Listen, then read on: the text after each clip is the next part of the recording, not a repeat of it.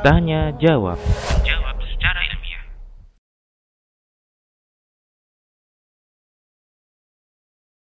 Toib. Ya, jadi suatu hal yang sangat mungkin ya orang tua durhaka kepada anaknya. Ya, sangat mungkin sekali. Karena kedurhakaan anak itu biasanya diawali dari kedur, kedurhakaan orang tua. Ya, karena orang tua tidak mau ngurusin anaknya, abai dengan pendidikan agama dan kebaikan anaknya.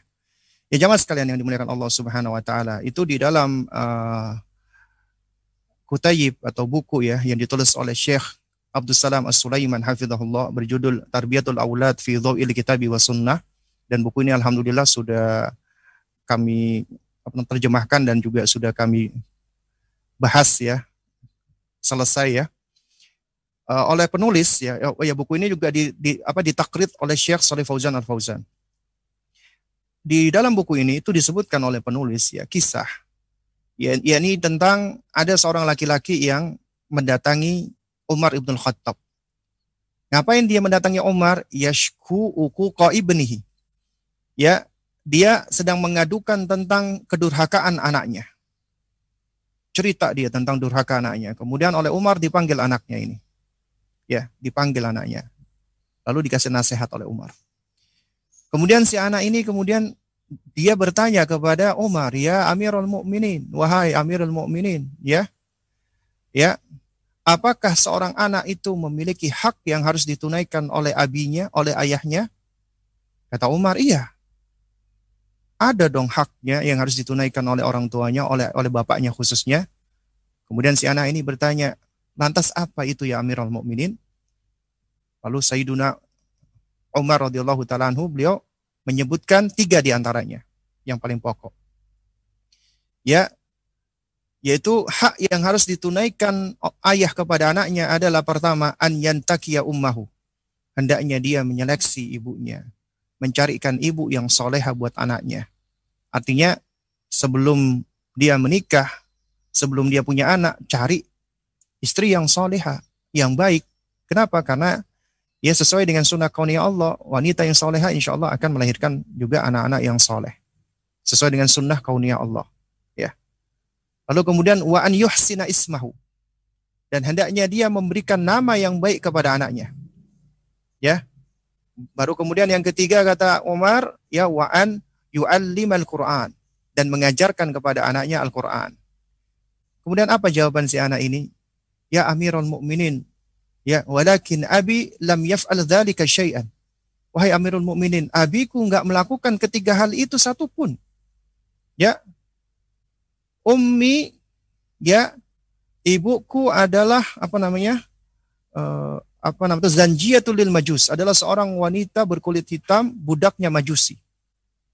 Nggak tahu nasabnya, nggak tahu agamanya, nggak tahu perangainya. Ya, jadi intinya ibuku adalah seorang budaknya Majusi. Ya. Wasammani Ju'al, aku dikasih nama Ju'al. Wallah alam ya. Apa namanya maknanya apa Ju'al ini? Karena waktu saya cari di kamus juga nggak dapat ya. Jadi ini nama-nama yang mungkin jelek mengandung makna jelek ataupun juga yang nggak ada kandungan artinya padahal nasihatnya Umar adalah wa an yus yuhsina ismahu yaitu diberi nama yang baik anaknya kemudian kata anak ini juga ya ya wa abi la apa namanya dan dan ayahku juga apa tidak mengajarkan aku sedikit pun walaupun harfan minal Quran walaupun hanya satu huruf dari Al-Quran. Akhirnya murkalah Umar ibn Khattab radhiyallahu taala dipanggil bapaknya. Kemudian Umar berkata ajita ilayya tashku uku ibnika wa qad aqaqtahu qablaan.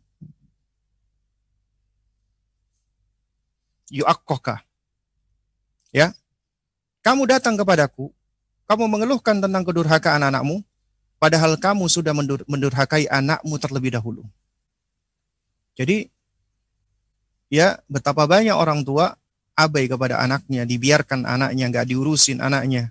Apalagi nih orang tua-orang tua yang punya ABG perempuan, dibiarkan anak perempuannya keluar di jalanan dengan pakaian yang terbuka, nongkrong sama laki-laki yang gak jelas. Kemudian kalau udah kenapa-kenapa misalnya anaknya mohon maaf ya hamil, kemudian dia cuma bisa marah-marah, anaknya mungkin di tempeleng, lalu kemudian dibentak-bentak, udah.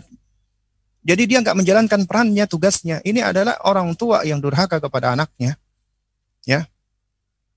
Nah, jadi apabila orang tua durhaka kepada anaknya, artinya mengabaikan anaknya ketika masih kecil, maka sesuai dengan sunnah kauniyah Allah, ini anak juga akan durhaka kepada orang tuanya. Kecuali apabila Allah berikan dia hidayah taufik. Ya, kecuali apabila Allah berikan dia ya taufik ya sehingga dia tidak melakukan hal tersebut.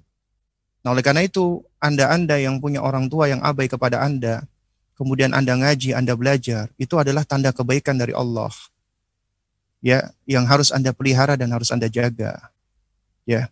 Dan juga demikian ketika Anda misalnya punya anak-anak yang saat ini durhaka, maka jangan salahkan langsung anak Anda, salahkan dulu diri kita agar kita ya bisa lebih memperbaiki diri dan kita mohon ampun kepada Allah baru kemudian kita melakukan perbaikan ya mendakwai anak kita tadi. Jadi sangat mungkin anak orang tua mendurhakai anaknya. Lalu kemudian kalau ditanya apakah mungkin orang tua durhaka kepada anaknya yang sudah gede, anak yang yang sudah gede. Nah, jadi orang tua ya kalau kita melihat dari konteksnya, kalau anak sudah gede, berarti dia itu sudah mukallaf. Berarti sebenarnya pendidikan orang tua itu sudah selesai ketika anak itu sudah mukallaf. Yang ada setelah itu adalah nasihat, dakwah, ajakan kepada kebaikan. Artinya orang tua sudah nggak berkewajiban lagi mendidik. Kenapa? Karena nih anak ini sudah sudah dewasa. Dia sudah sudah mukallaf, dia sudah ya membawa tanggung jawab dan amalnya sendiri.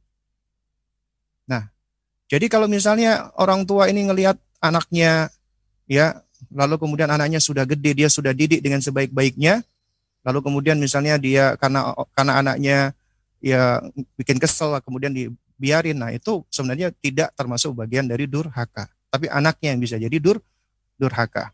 Tapi kedurhakaan anak bisa jadi karena sebab kita sebagai orang tua. Wallahu a'lam